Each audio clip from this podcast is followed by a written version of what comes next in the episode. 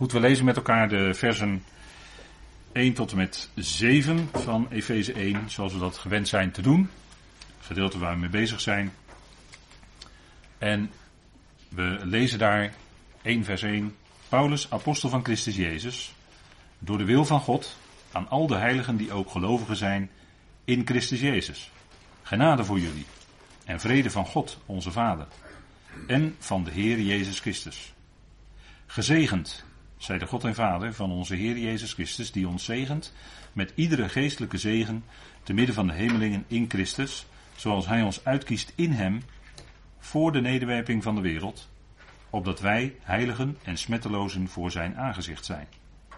In liefde ons tevoren bestemmend tot zoonschap door Christus Jezus, voor zichzelf, in overeenstemming met het welbehagen van Zijn wil tot lofprijs van de heerlijkheid van zijn genade, die ons begenadigt in de geliefde.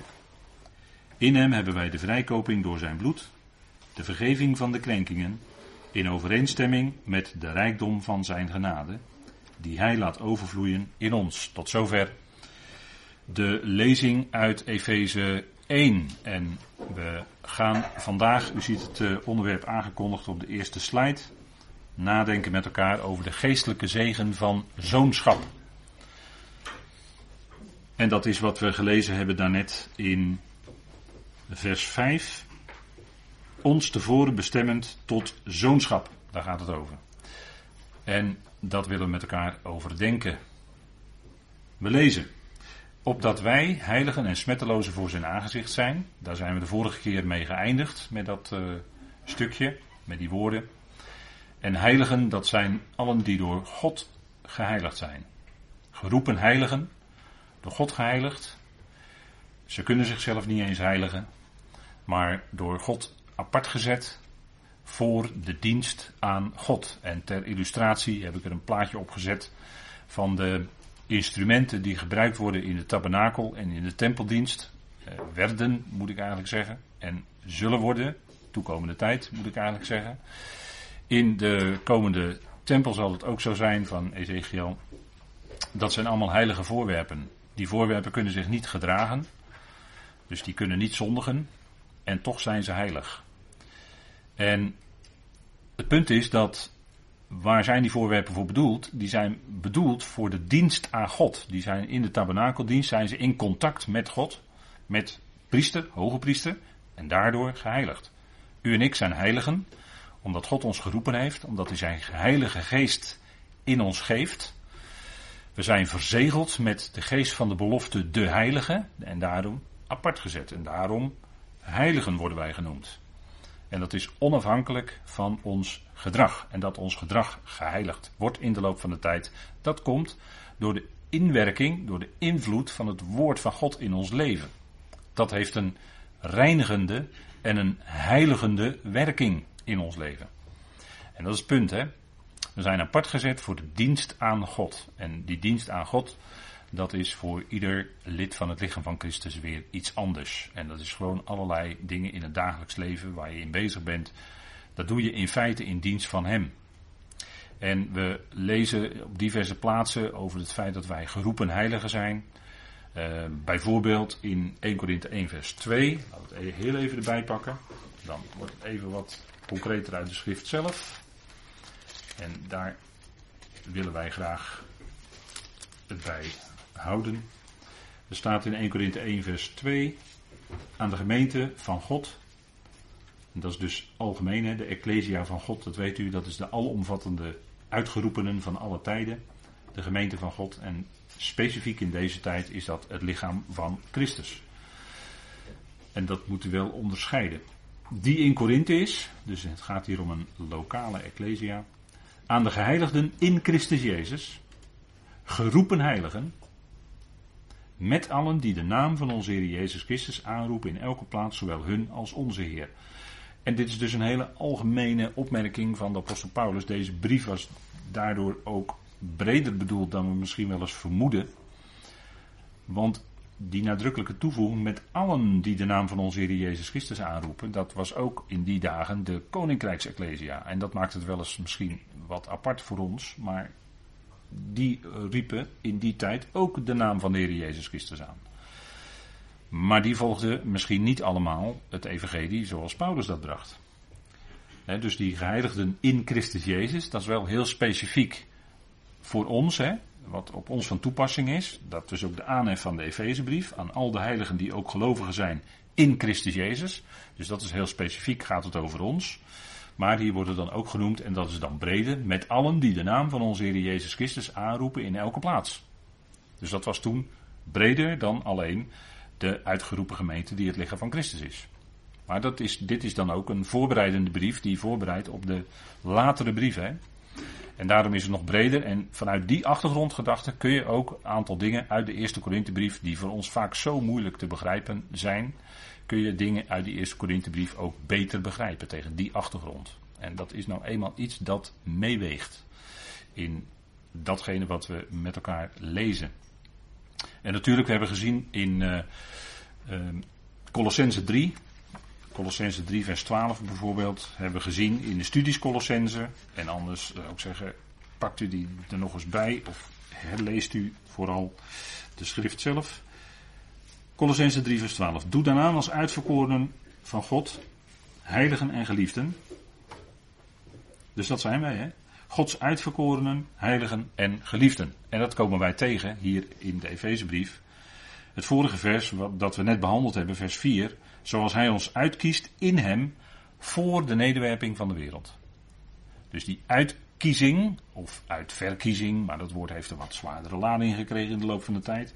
Maar die uitverkiezing, dat geldt u en mij. Leden van het lichaam van Christus, al die leden. En dat is al van voor de nederwerping van de wereld. Dat is dus geen enkele invloed die wij daar ooit op konden uitoefenen of wat dan ook. En dat is natuurlijk heel fijn dat we dat beseffen. En dat is opdat, hè, want het is wel met een richting, opdat wij heiligen, hè, dat, is, uh, dat woord opdat is wel dun gedrukt. Hè? Dus moeten even, moeten we even een kleine reserve dan bij hebben. Maar het is in ieder geval de bedoeling, wij heiligen en smettelozen voor zijn aangezicht zijn of te zijn moet ik dan eigenlijk zeggen. Er staat een infinitief. Dat is wat wij zijn. En dat zijn wij voor zijn aangezicht. Dus wij hoeven niet te proberen heel krampachtig om voor hem, om uh, heilig en smetteloos voor hem te worden, want dat zijn we al. We zijn al in Christus Jezus. Dat is onze status, onze geestelijke status, om het zo maar te zeggen. Want daar gaat het hier over.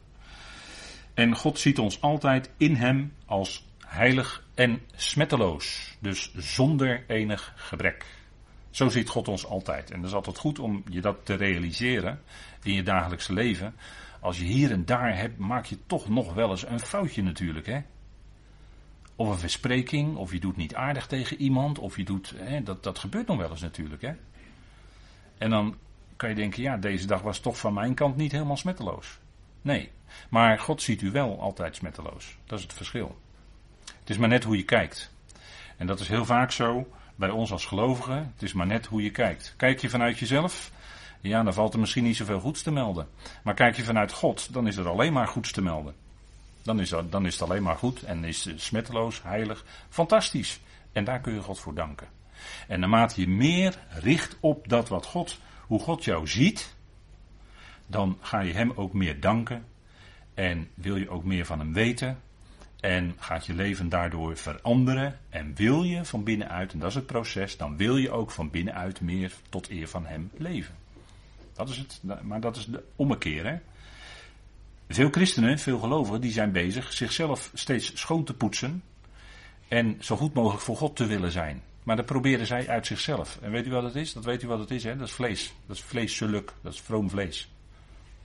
Maar als je gaat zien vanuit God hoe je bent, hè, God zegt dat je bent, dan ga je richten op die grote God die jou geheiligd heeft, die jou geroepen heeft. Het is allemaal zijn werk, Christus Jezus zijn werk. En dan ga je hem danken en gaat dat van binnen veranderen. De inwerking van Gods woord.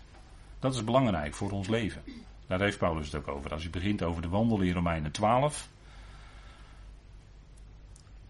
En dan doet hij allereerst nog een beroep op de barmhartigheden van God. Dus het hele onderwijs wat daarvoor aan vooraf ging, roept hij nog eens erbij. En op grond daarvan, ja, als je dat eenmaal gehoord hebt, dan word je in je hart daar geweldig blij mee. En dan wil je je lichaam ook stellen tot een levend, heilig en God welgevallig offer. Dat is je dagelijkse wandel, dat is een offer. Dus je hele leven is dan voor Hem. Maar dat is dan geen moeten meer. En dat is dan geen proberen heilig te worden meer vanuit jouw vrome vlees. Nee, dan is het van binnenuit, door die geest gewerkt. Je wilt het van binnenuit zijn.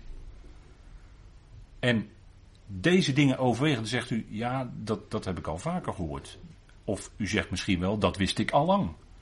Ja, maar we spreken vandaag over de geestelijke zegen van het zoonschap. En wat doet een zoon? En dat zullen we straks gaan zien. Dan, uh, dan doe ik nu even een pedagogisch trucje. Ik zeg nu tegen u, dat gaan we straks zien. Dus dan gaat u heel de tijd denken, wat gaat hij straks nou vertellen? Dat is een pedagogisch trucje, dat weet u natuurlijk wel. Hè? Nou, dus dan gaan we straks kijken wat zonen, hoe dat gedrag van de zonen is. Dat zullen we verderop in deze studie zien. Dat is. Uh, smettelozen. Wij zijn smetteloos. God ziet ons altijd zo. Christus is namelijk ons complement. Waaraan wij tekort kwamen, daarin is Hij ons complement. En zo ziet God ons altijd compleet. Volkomen, in Hem. Zegt Colossense 2. Lezen we deze keer niet, maar dat is wel wat daar staat. Christus is ons complement.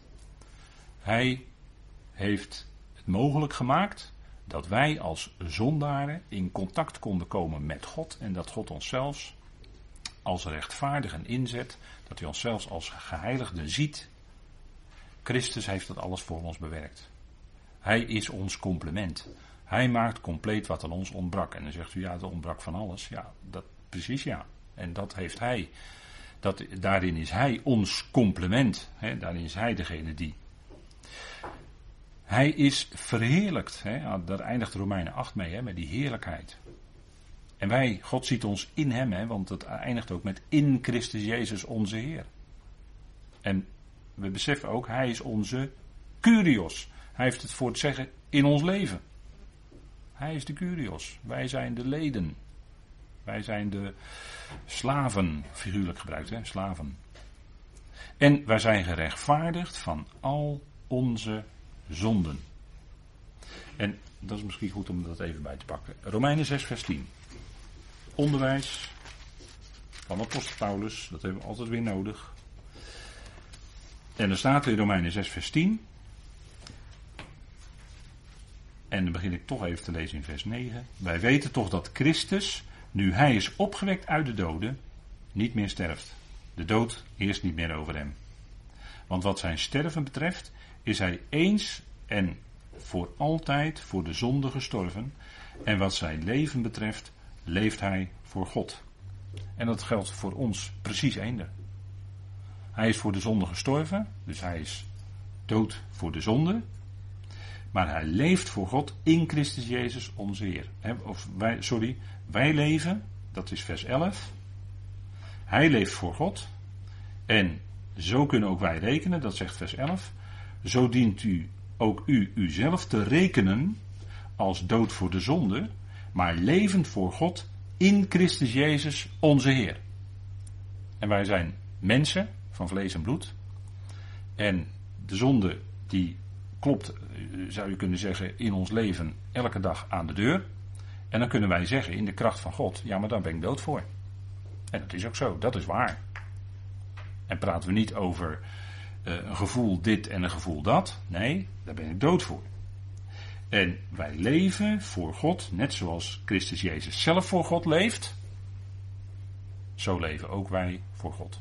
En zo ziet God ons. En dat is wat wij erkennen. Dat, dat is waar wij mee rekenen. Het gaat niet hier om ons gevoel, maar het gaat om de dingen waarbij, de geestelijke feiten waar wij mee rekenen. En als je zo gaat rekenen, dan geeft dat kracht in je leven. En dat is ook wat Galaten 2 vers 20 zegt. Die nemen we er ook even bij, want het grote verschil tussen de twee evangeliën, het evangelie van de besnijdenis en het evangelie zoals Paulus dat brengt, is de prediking van het kruis.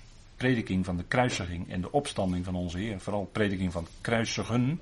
en het kruis van onze Heer Jezus Christus. Dat is het grote verschil tussen die twee evangeliën. Bij het evangelie van de besnijdenis kom je daar niet aan toe. De consequenties voor jou persoonlijk van het kruis en de kruisdood van onze Heer Jezus Christus. In het evangelie van Paulus komt dat juist wel heel nadrukkelijk naar voren. De consequenties daarvan. Dat is het grote verschil tussen de twee evangeliën. Daarom blijven wij altijd onderscheid maken tussen die twee evangeliën. Je kunt niet zeggen dat er twaalf apostelen waren die gingen naar de besnijdenis. En dat Paulus naar de heidenen ging. Allemaal met hetzelfde evangelie. Dat kun je niet zeggen.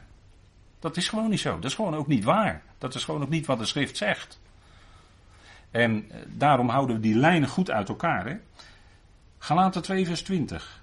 Met Christus, zegt Paulus, ben ik gekruisigd. En dat geldt ook voor u en voor mij. Ik leef echter, en dat is het wonder natuurlijk, niet langer ik, echter in mij leeft Christus. En nu dan, zolang ik nog in het vlees leef, leef ik in het geloof van de Zoon van God, die mij lief heeft en zichzelf voor mij overgeeft.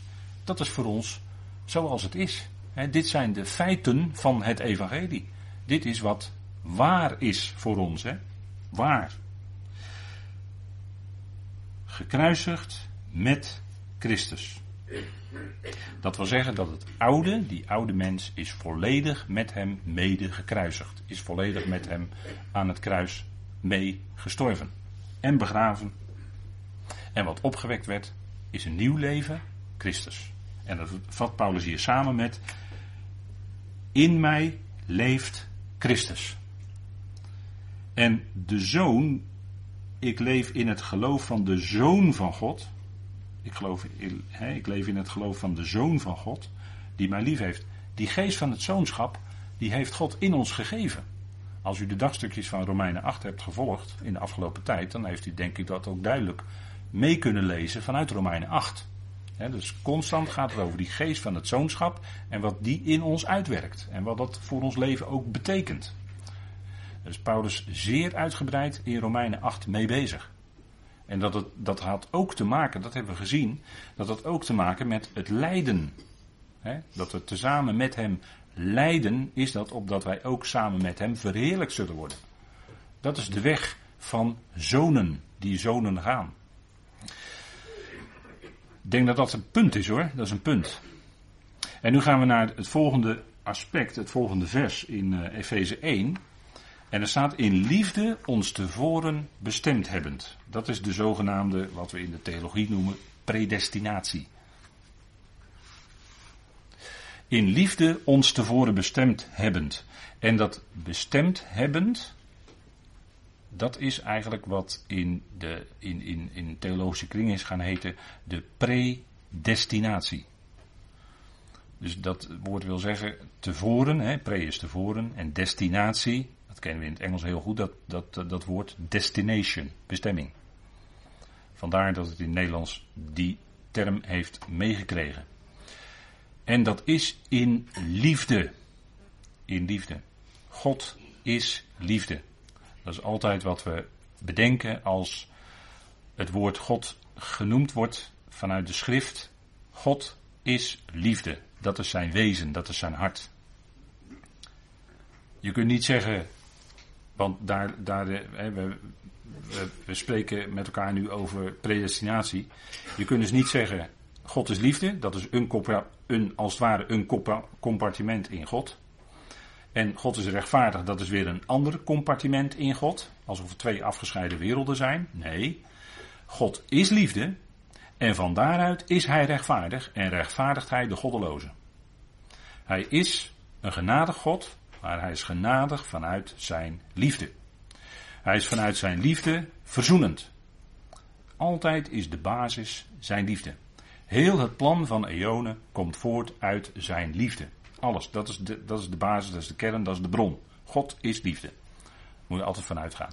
En natuurlijk, God betekent in het Grieks plaatser. Dus hij plaatst in liefde u en mij op de plek waar hij u en mij vandaag wil hebben. En hij plaatst ook in ons leven, wat hij vandaag de dag in ons leven, ja, moet ik dan zeggen toestaat? Nee, ik moet dan zeggen plaatst. Wat hij in ons leven plaatst. Dat doet God.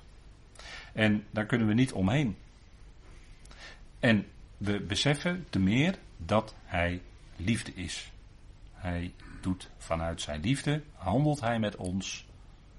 En dat is natuurlijk als zonen, dat zullen we gaan zien, ons tevoren bestemd. Tevoren bestemd. Maar nadrukkelijk het punt hè, staat erbij, in liefde.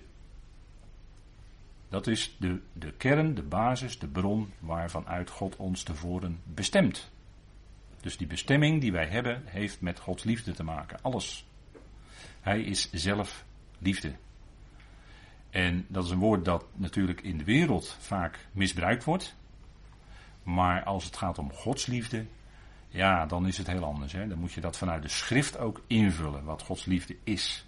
God heeft zijn liefde bewezen doordat Christus nog stierf toen wij nog zondaar waren. Daarmee heeft hij zijn liefde bewezen. Zo is God, zo is zijn liefde. Hij gaf het dierbaarste, het kostbaarste wat hij had, zijn eigen zoon. Spreken Romeinen 8 ook over. En dat heeft hij gedaan voor u en voor mij, voor heel die schepping. Dat is zijn liefde. Dus die liefde komt dan tot uiting in een geven wat je niet had kunnen vermoeden, wat je niet had kunnen bedenken. Dat is liefde. Geven. Liefde is altijd, zijn we gewend tegen elkaar te zeggen, een beweging van je af. En wat doet de egoïst? Dat weet u, die doet de andere kant precies op. Hè? Maar liefde is een beweging van je af. Liefde is geven. Geven. En mensen zeggen wel eens in het dagelijks leven, ja, als je met collega's omgaat of als je in andere relaties zeggen ze, ja, het is geven en nemen. Maar bij Gods liefde ligt dat toch, het accent toch op geven hoor. Ligt op geven. En wat hij dan terug ontvangt en wat zijn hart verheugd is, de respons vanuit een door geloof gereinigd hart, een, een hart dat overtuigd is van Gods liefde en wat die liefde beantwoordt met wederliefde. Dat is wat Gods hart verheugt. En, en dat is wat, uh, ja, dan ga je dan vanzelf, gaat je hart daarvan zingen, denk ik. Ga je zingen. He, soms als je vroeg wakker wordt, dan hoor je wel eens de vogels zingen. En dan, uh, dan zeg je zo tegen elkaar van, uh, de vogels zingen weer vroeg. Maar zo is het eigenlijk met Gods liefde. Hè? God spreekt altijd door zijn woord vanuit liefde tot ons hart. En als je dan het woord opent en je begint daar de dag mee, dan heb je weer die liefdestem van God. Die het in jouw leven, in mijn leven, in uw leven niet verkeerd doet. En dat is niet zo makkelijk gezegd. Want soms zijn er grote moeilijkheden, pijn, ellende. Dus, en dat is niet te bagatelliseren. Maar God is het die zijn plan ook met uw, jou en mijn persoonlijk leven uitwerkt. Hij is de bron. Hij doet het niet verkeerd. Hij is liefde. En daar raken we hoe langer hoe meer van overtuigd. Hè? Door de ervaringen heen. Kijk, dat woord tevoren bestemmen, daar, als je dat in het Grieks zou uitspreken, dan hoor je het woord horizon. Horizon. Horizo in het Grieks. En daar staat ook het woordje pro voor. En pro betekent tevoren. En ik heb hier daarom ook een plaatje gekozen met een zon die staat aan de horizon. Dat noemen wij in het Nederlands dan de einder. dus de, je ziet een grens. En God heeft ons dan tevoren bestemd, tevoren gezien eigenlijk, want het woord horizo heeft te maken met zien ten diepste. En hij heeft ons tevoren gezien, dus je kunt zeggen, hij had ons tevoren op het oog en hij bestemde. Het is niet, het ene aspect is uitkiezen, dat gaat eraan vooraf. Maar het volgende is dan dat je ook bestemd wordt tot, dat, dat is ook richtinggevend. Dat, is, uh, dat heeft een doel voor ogen. Het is niet zomaar dat God ons heeft uitgekozen. Nee, dat heeft een bepaalde bedoeling. Dat heeft een bepaalde richting. Vandaar destinatie. Predestinatie. Maar naar de schrift is dat niet dat je of voor eeuwig verloren gaat of voor eeuwig gered bent. Want zo is het helaas. En daardoor is die leer verschrikkelijk. Dat is een verschrikkelijke leer. Nee, in de Bijbel is tevoren bestemmen tot een bepaalde functie, tot een bepaalde functionaliteit, tot een bepaalde instrument zijn, worden in Gods hand. En zo heeft hij Israël bestemd om zijn volk te zijn op aarde voor de volkeren. En zo heeft hij ons tevoren bestemd om voor de hemelse machten en krachten zijn evangelie, zijn heerlijkheid, zijn liefde te tonen, zijn genade te laten zien en ze te brengen tot onderschikking aan de Vader. Dat is de functie van de gemeente. Daarvoor zijn wij tevoren bestemd. Dat is predestinatie in Bijbelse zin. En die hij tevoren kent, en dat is natuurlijk geweldig hè, wat in Romeinen 8 staat. Daar zijn we nu mee bezig in de dagstukjes. Hè, dat, dat zijn die, wat we altijd dan noemen die vijf gouden schakels, hè, uitspraak van broeder nog. Vijf gouden schakels. En die schakels die zijn onlosmakelijk met elkaar verbonden. Als je tevoren gekend bent, ben je ook tevoren bestemd. En word je ook geroepen in de tijd. Ieder, ieder die tevoren gekend is en tevoren bestemd is, die wordt ook geroepen. En die beantwoordt die roepstem ook. Dat is, dat is onontkoombaar. Want in Romeinen 8 gaat het over God die het doet. Er staat steeds Hij rechtvaardigt. Hij bestemt tevoren. Hij kent je tevoren. En, en Hij rechtvaardigt en Hij verheerlijkt in de tijd, in de toekomst, maar nu al. En, en dat is wat ook klinkt, hè, dat tevoren bestemmen. U ziet daar de teksten in Efeze 1 vers 11, nou die hebben we open liggen. Wordt het nog eens herhaald, hè? Efeze 1 vers 11. In hem ook zijn wij door loting aangewezen, wij die tevoren bestemd zijn, heb je het weer, tevoren bestemd zijn, in overeenstemming met het voornemen van hem die alles bewerkt.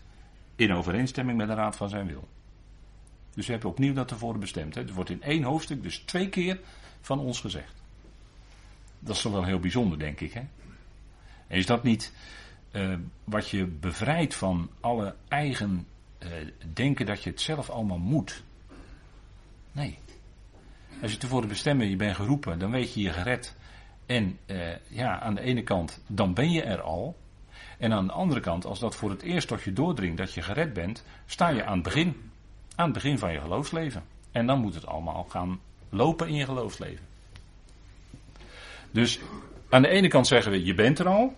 En aan de andere kant, je staat nog maar aan het begin. Als je pas tot geloof bent gekomen. En dan zijn we natuurlijk hier broeders en zusters die 20, 30, 40 jaar al op de weg zijn. Of misschien nog wel langer, dat weet ik niet. En dan maak je een heel proces door. Een groeiproces. God geeft de groei. Nou, kijk, en dat tevoren bestemmen, dat heeft ook te maken met wijsheid van God. Paulus zegt in 1 Korinthe 2 dat hij alleen onder de volwassenen, onder de gerijpten, en dat heeft ook te maken met zoonschap, kon hij spreken over die verborgen wijsheid van God die al voor de eonen, zegt hij dan, tot onze heerlijkheid beschikt was. Voordat Gods plan ging lopen, moet je nagaan. Tevoren bestemd. Die wijsheid van God had met ons te maken. Voor de eon al. Kun je niks, eh, dan gaat je duizelen als je daarover na gaat denken. En wat van de Heer gezegd wordt, en dat wil ik dan even met u opzoeken, handelingen 4. Want het tevoren bestemmen, dat, dat denk dat het goed is dat we daar toch even bij stilstaan, want dat is een heel belangrijk woord in de schrift. dat, dat, dat geeft je zoveel uh, achtergrond van hoe God het doet in je leven als gelovige. En we praten hier natuurlijk over geestelijke zegeningen. Wij als gelovigen kennen geen aardse zegeningen. Dat is ons niet gegarandeerd. Alleen geestelijke zegeningen in Christus. Hebben we ook met elkaar gelezen. En dat is zelfs te midden van de hemelsen, te midden van de hemelingen. Ik denk dat dat een belangrijk gegeven is, hè, wat we ons telkens weer realiseren. En in Handelingen 4, daar spreekt Petrus. En die zegt daar, want in waarheid, ik begin even te lezen met u in vers 27, Handelingen 4, vers 27. Want in waarheid tegen uw heilig kind Jezus, die u gezalfd hebt, zijn Herodes en Pontius Pilatus samen met de natieën en de volken van Israël bijeengekomen om alles te doen wat uw hand en uw raadsbesluit van tevoren bestemd had dat gebeuren zou. Dus die Herodes en Pilatus, dat waren mensen die in die tijd dat de Heer op aarde was, er moesten zijn. En Petrus die zegt ook dat hiermee een vervulling is geweest van Psalm 2. Want hij citeert hier uit Psalm 2. En dat past hij toe op Herodes en Pilatus bij de Heer Jezus. Hè, die de Heer Jezus hebben veroordeeld tot kruis. Maar dat was dat was om alles te doen, staat hier, wat uw hand, hè, Gods hand, en uw raadsbesluit van tevoren bestemd had. Hè, in mijn vertaling staat bepaald had, maar we lezen hier dus ook het woord tevoren bestemmen. Dat gebeuren zou. Dus het gebeuren was door God tevoren bepaald in zijn raadsbesluit. Hij had het tevoren bestemd en het gebeurde dus ook zo. En zo kun je dat invullen met, ja, laat ik, mag ik het zeggen, alle gebeurtenissen. Want we lazen het net in Efeze 1 vers 11. Hij is het die alles bewerkt overeenkomstig of in overeenstemming met de raad van zijn wil. Dus alles. En dat is zijn hand, hè, want het is uw hand, zegt Petrus hier. En uw raadsbesluit. Dus het ging volkomen van God uit. En natuurlijk kun je dat menselijke, die menselijke haat tegen de zoon van God, ja, dat was er. De haat van, van de leiders van Israël tegen hem, ja, dat was er zeker. Ook van de natie, van de soldaten die hem bespotten enzovoort. Dat, dat was allemaal aanwezig. Maar uiteindelijk was het hele gebeuren tevoren bestemd door Gods hand en door Gods raadsbesluit. Het moest zo zijn. Het was dan ook voorzegd in de psalmen. En als u de psalmen leest, dan leest u de Messias. Dat is, uh, dat, dat is een van die lagen die zitten in die psalmen. En uh, vooral heeft dat te maken natuurlijk allereerst met God zelf, wie en hoe Jaweh is, maar ook met de Messias. De psalmen gaan over de Messias. Als je psalm 22 leest, dan kun je toch niet anders dan denken aan wat later zou gebeuren op Golgotha, dat hij daar gekruisigd werd. Er staat letterlijk in dat de soldaten wierpen over hem het lot. Het staat letterlijk in Psalm 22. Zij werpen het lot over uw gewaad. Dat was profetisch voorzegd. Dat staat allemaal in de schriften opgetekend en het werd vervuld. Tot op de letter. En dat is natuurlijk de, de geweldige kracht van het woord van God. dat zijn geen loze woorden, maar de, de kracht van het woord is dat het vervuld zal worden. En het evangelie wat Paulus mocht verkondigen is in deze tijd een kracht van God tot redding. God redt. Hoe doet hij dat? Door dat evangelie. Dat evangelie, dat goede nieuws, dat is werkelijk wat de kracht is, wat mensenlevens verandert. Je kan met tien paarden aan iemand trekken en die komt niet tot geloof. En er kan een paar woorden nou, goed, goed genoeg zijn die iemand helemaal omkeert.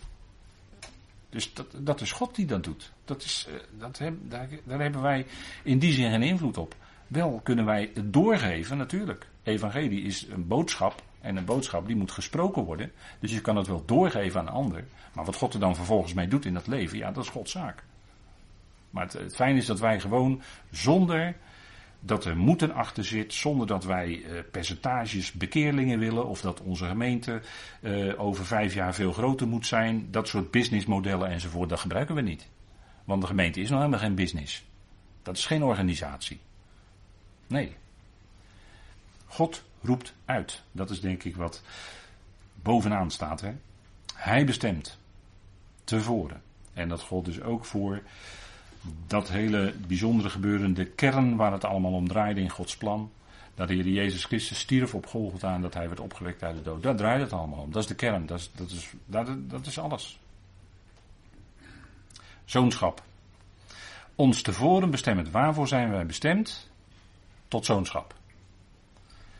En als je dan andere vertalingen leest, en dat, daar struikelde ik ook over bij de herziene statenvertaling, dat er, dat, er dan, dat er dan helemaal weg wordt vertaald. En ja, daar, ben ik dan toch wel een beetje kritisch op. Ehm, dat er dan helemaal weg wordt vertaald. Uh, in, in 1 vers 5 bijvoorbeeld in de, hier in de herziene statenvertaling en in, in, de, in de nieuwe NBV-vertaling uh, gebeurt dat eveneens. dat is dan uh, ja, ik vind dat gewoon heel jammer. Want er wordt dan gezegd, hij heeft ons voorbestemd om als kinderen aangenomen te worden. Dan ben je er wel een stukje van huis hoor, vind ik. Want als we nauwkeuriger gaan zitten op die grondtekst, dan staat er in liefde ons tevoren bestemmend tot zoonschap. En dat is nog wat anders dan als kind aangenomen te worden hoor. Want kind is het voorstadium van zoon zijn. En helaas en dat, dat zie je met, met de herziene statenvertaling, maar dat zie je ook met de NBV 21 vertaling, de nieuwste, hè, de, de revisie zeg maar, die pas uit is. Maar die hebben ze het begrippen kind en zoon hebben ze hopeloos met elkaar verward. Echt hopeloos. En dan weet je niet meer wat er staat. Want als je nou kind vertaalt terwijl de zoon staat in de grondtekst, dan weet je het toch niet meer. Dan word je toch op het verkeerde been gezet. Ja toch? En andersom. Daarom, daarom, concordante methode, prima, prima. Kijk, want er staat hier zoonschap en er staat er letterlijk zoonplaatsing in het Grieks, hè, hiothesia, thesia. Dus de plaats van zoon heb je ontvangen. Nou, daar spreken Romeinen 8 over. We hebben de geest van het zoonschap ontvangen. En in die geest roepen wij, niet bij gelegenheid, maar roepen wij Abba, Vader. Hij is onze vader en wij zijn zijn zonen. En dat, die, die bijzondere plaats van zoon, die is geestelijk gezien, hè, die, die positie van zoon, is geestelijk gezien gegeven aan de gelovigen in Christus Jezus.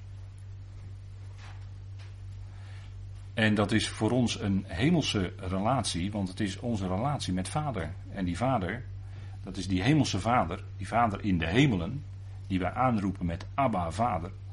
En dat is een enorme status, dat is een enorme positie. En dat gaat veel verder dan kind zijn. Natuurlijk, Paulus noemt ons in Romeinen 8 ook kinderen van God.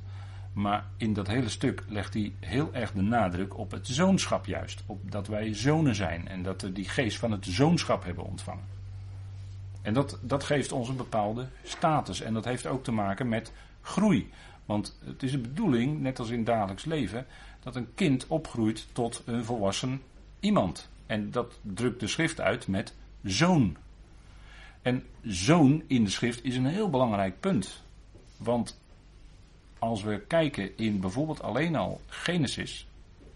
En als je de, de, de Hebreeuwse schrift nagaat, het, zo, het begrip zoon, ben, dat is afgeleid van het werkwoord bana, dat betekent bouwen.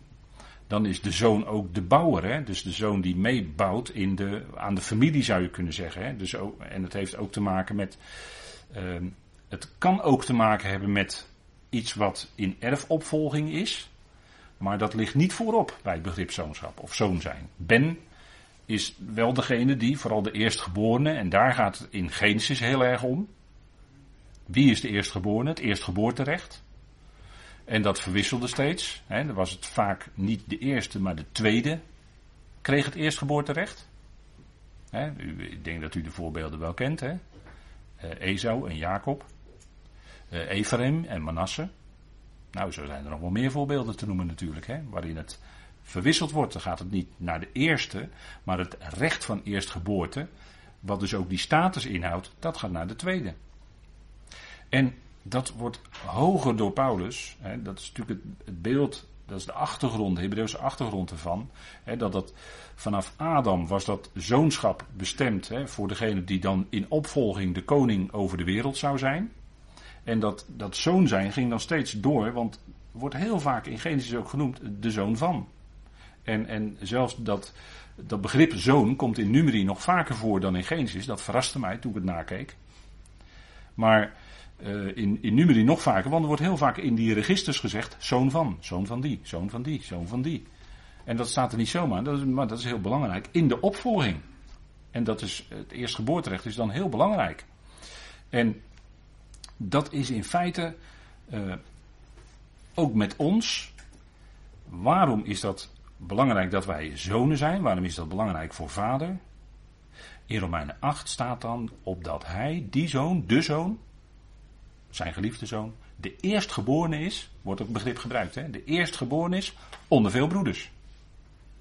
En daarvoor zijn wij ook geroepen, om, opdat hij die eerstgeboren is, want hij staat centraal, de zoon van God, de zoon van God. En die hele lijn van zoon zijn, dat wordt in, in de hele schrift wordt dat uitgewerkt. En daar begint Matthäus dan ook mee, hè, met die hele geslachtslijn, naar de Messias toe. Want het ging uiteindelijk om dat hij geboren zou worden. Daar ging het allemaal om. Daar is ook het hele begrip zoon natuurlijk ook voor bedoeld. Hè, hij is de bouwer van Gods plan. God voert zijn plan van Eonen uit in Christus Jezus. Hij is de zoon van God. Dat is zijn hoogste, innigste uh, ook meest geestelijke relatie die hij heeft. Hij wordt natuurlijk ook genoemd de zoon van Adam, maar dat is een lagere titel. Dat hij de koning is van heel de mensheid. Maar dat vertegenwoordigt dat hij de zoon is, heeft dus een enorme waardigheid die voor hem geldt als de zoon van Adam, maar nog hoger als de zoon van God. En in die relatie zijn wij nou met hem verbonden. Als de zoon van God zijn wij nou met hem verbonden. En daarom zijn wij in zekere zin natuurlijk ook zonen van God. Alleen op een lager niveau. Maar we horen wel bij hem. En daarom hebben wij, is die geest van het zoonschap in ons ook zo enorm belangrijk dat we gaan verstaan in de dagen die we hier op aarde doorbrengen, dat we daarin groeien in dat besef wie wij mogen zijn als zonen. En dat zouden we ons ook steeds meer bewust worden. Bewust zijn dat wij zonen van Hem zijn. En als je dat meer bewust wordt, heeft dat ook effect en uitwerking in je wandel, in je dagelijks leven. Want het is allemaal bedoeld om dat, dat, dat we zijn tot Zijn eer. het gaat niet om dat wij een mooi gemakkelijk leven van een leien dakje hebben. Daar gaat het niet om. Nee, het gaat erom dat wij zijn tot Zijn eer. Hoe de omstandigheden in ons leven ook zijn. Dat is het punt waar het om gaat. En dat is ook dat wij ons bewust worden hè, van dat zoonschap. En wat hebben wij een hoge roeping te midden van de hemelsen. En dat lijkt zo ongrijpbaar, maar wij bouwen daarin mee. Hè, want God voegt ons toe, zegt de Efezebrief ook aan het eind van Efeze 2. God voegt ons toe en wij behoren dan bij die woonsteden van God in de geest. Dat, Paulus begint dat stukje, dat is, een, dat is een zo vaak verkeerd begrepen stukje. Efeze 2, vers 11 tot en met 22. Maar daar begint hij met de situatie in het vlees van de natieën. En eindigt hij met dat wij behoren bij een woonstede van God in de geest. En dan doet vleeselijke relatie, relatie speelt helemaal geen rol meer. En dat is waar heel veel christenen, heel veel gelovigen geen zicht op hebben. Helaas, helaas. Zou het zo graag willen. Maar dat zoonschap, dat is essentieel. En daarom, vandaar dat ik net even kritisch was over die vertaling. Omdat daar kinderen staat. En dat heeft een veel mindere waarde dan zonen. En, en dat vind ik dan jammer dat dat in de vertaling eh, weggeslipt is. En dat de vertalers daar, die zo ongetwijfeld een gedachte bij gehad hebben. Maar concordante methode zegt, wat staat er? Er staat zoon, dan moet je zoonschap vertalen. Daar kun je geen kant op. En dat is het punt, hè. Dat, is het, eh, dat blijft ongelooflijk waardevol natuurlijk. Zoonschap. Kijk, tegenover zoonschap, en als we even dat stukje lezen met elkaar in, uh, in Galaten.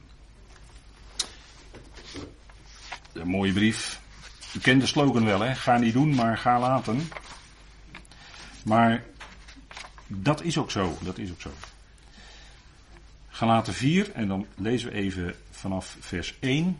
En dan gaat het even in dat stukje om het contrast tussen zonen en onmondigheid.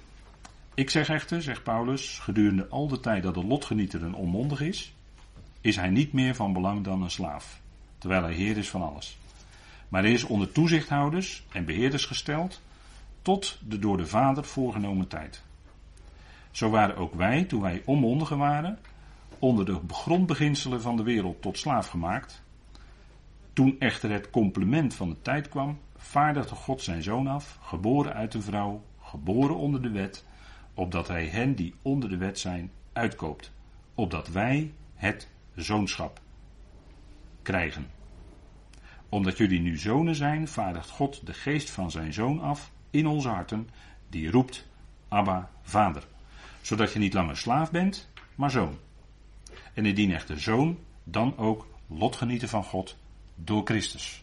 Dus u ziet dat, dat lotgenieten, die status van lotgenieter zijn, wat natuurlijk een beeld is wat ontleend is aan Israël, die een stukje lot had in het land, een stukje gebied in het land. En voor ons is dat te midden van de hemelsen. Wij hebben boven ons gebied, ons lotdeel, met hem. Die status van zoon zijn houdt dus ook in dat wij boven lotgenieters zijn. Lotdeelbezitters is iets beter gezegd. Lotbezitters zijn.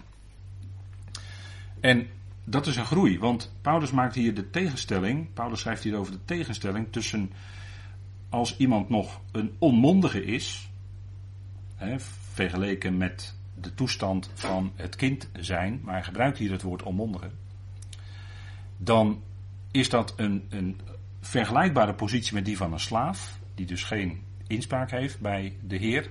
En een kind moet luisteren naar de ouders. En wat is dan kenmerk van onmondigheid? Want het is de bedoeling dat wij geestelijk gezien groeien van onmondige naar zoon, naar het zoonschap, dat we echt bewust zijn.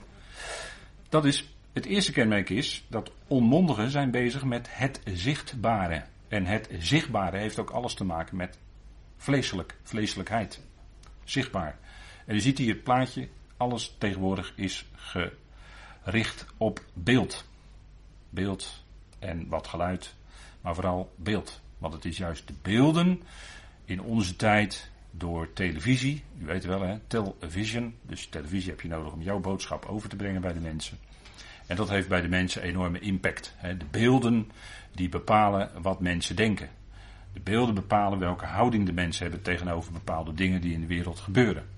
Dat is de afgelopen uh, tientallen jaren, decennia is dat wel gebleken. En hoe langer de tijd vordert, hoe duidelijker dat wordt, zou ik willen zeggen. Maar dat zijn ook gelovigen die nog in de periode van onmondigheid zijn, die zijn nog heel erg bezig met het zichtbare. Die willen graag tastbaar iets, die willen graag uh, dingen tot stand brengen, die willen graag dingen doen en dat geeft dan een tevreden gevoel enzovoort. Hè. Dat, is, dat is kenmerk van onmondigheid.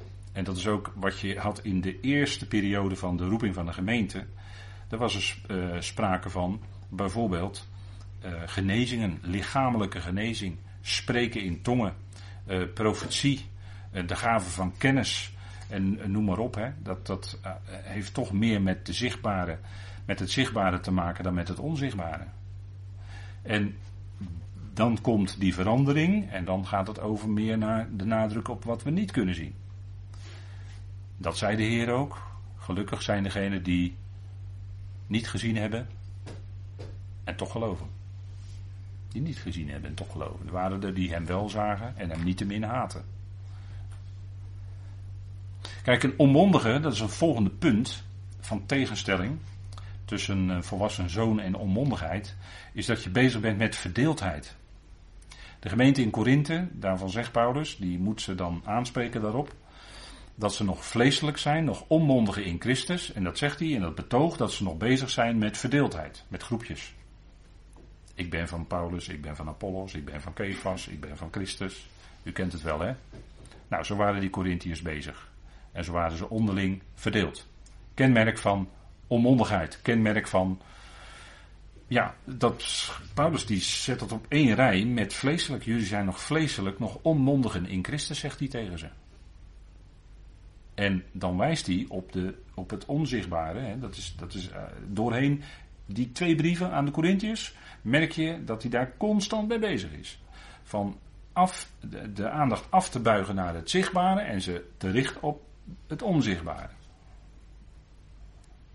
Bezig met verdeeldheid. En dat is zo vaak in uh, clubs heb je dat, hè? In clubs. In voetbalclubs heb je altijd uh, linkervleugel en rechtervleugel, weet ik veel. En in uh, verenigingen heb je dat ook. Heb je ook verdeeldheid vaak. Hè? Want dan is er een groep die wil die kant op. En een andere groep wil die kant op. En de voorzitter wil die kant op. En de bestuur wil weer een andere kant op misschien. Verdeeldheid. Kenmerk van verenigingen. En van clubs en noem maar op.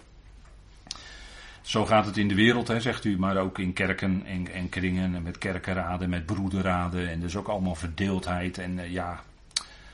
Ja, nou laten we er maar weer over ophouden. Hè.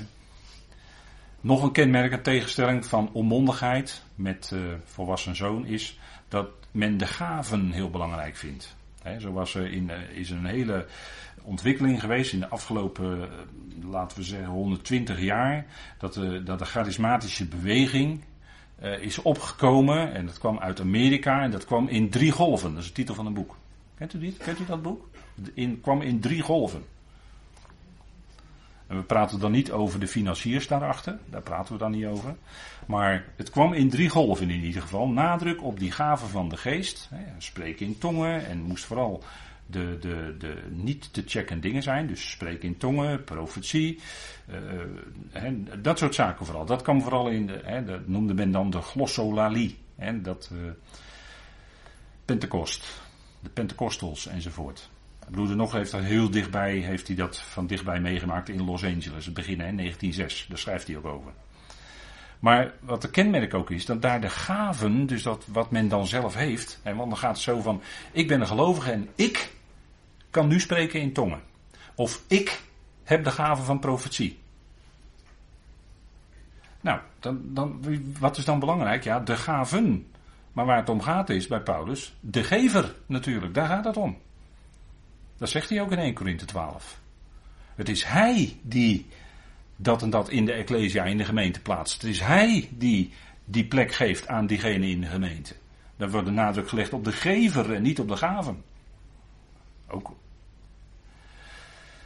Dat zijn de dingen van de onmondigheid, van kind zijn, hè? want vleeselijk, dat is het volgende plaatje dan, vleeselijk of kindachtig. Ik heb maar een streepje gezet in plaats van ER. Vleeselijk, kindachtig gedrag. Dat is ongelooflijk. Dat is een kenmerk van onmondigheid. Ordinaire ruzies. In het verleden gingen ze elkaar met hooivorken te lijf, weet u wel. De, de twisten enzovoort. De, hoe heette dat ook alweer? De hoekse en kabeljauwse twisten. Zoiets, hè. Uh, dat soort dingen allemaal. Dat is allemaal gebeurd ook in ons landje hoor. En, uh, en wereldwijd, altijd uh, de, de felste twisten, die hebben altijd toch wel nog godsdienstige achtergrond. Hè. In protestantisme. De Rooms-Katholieke Kerk ligt wat anders, hè, want dan heb je één pauze, moet iedereen papa tegen zeggen. Maar in, in, in, het, in het protestantisme heb je natuurlijk enorm veel verdeeldheid. Hè. Ja, nou ja, kan een lange, lange lijst gereformeerd gaan opnoemen. Of uh, Pinkster of Baptist. Hè. Dus allemaal kenmerken van verdeeldheid. Maar, en, en de onderlinge ruzies hoor. En dan, van, moet je even uitzoomen, hè, zulke dingen. Als je, als je dat even iets overleest, moet je uitzoomen. En dan moet je kijken hoe dat gaat. En dan, ja, ja wat zijn, net kleine kinderen, joh. Zijn net kleine kinderen. Kleine kinderen die zeggen ook tegen elkaar van, ik heb dat speeltje. Er liggen er honderd speeltjes in de kamer. En dan willen twee kinderen willen hetzelfde speeltje hebben. Ken je dat? Dat zien we nu weer terug bij onze kleinkinderen. Vandaar dat ik het voor mij nu vers in het geheugen zit. Maar zo gaat het met kinderen. Ja, die willen dan hetzelfde hebben. Dat is kinderachtig gedrag. En dat heb je ook onder gelovigen, helaas. Helaas. Dat, is, hè, dat heeft te maken met, ja. Goed, maar we, we gaan even pauzeren met elkaar, want uh,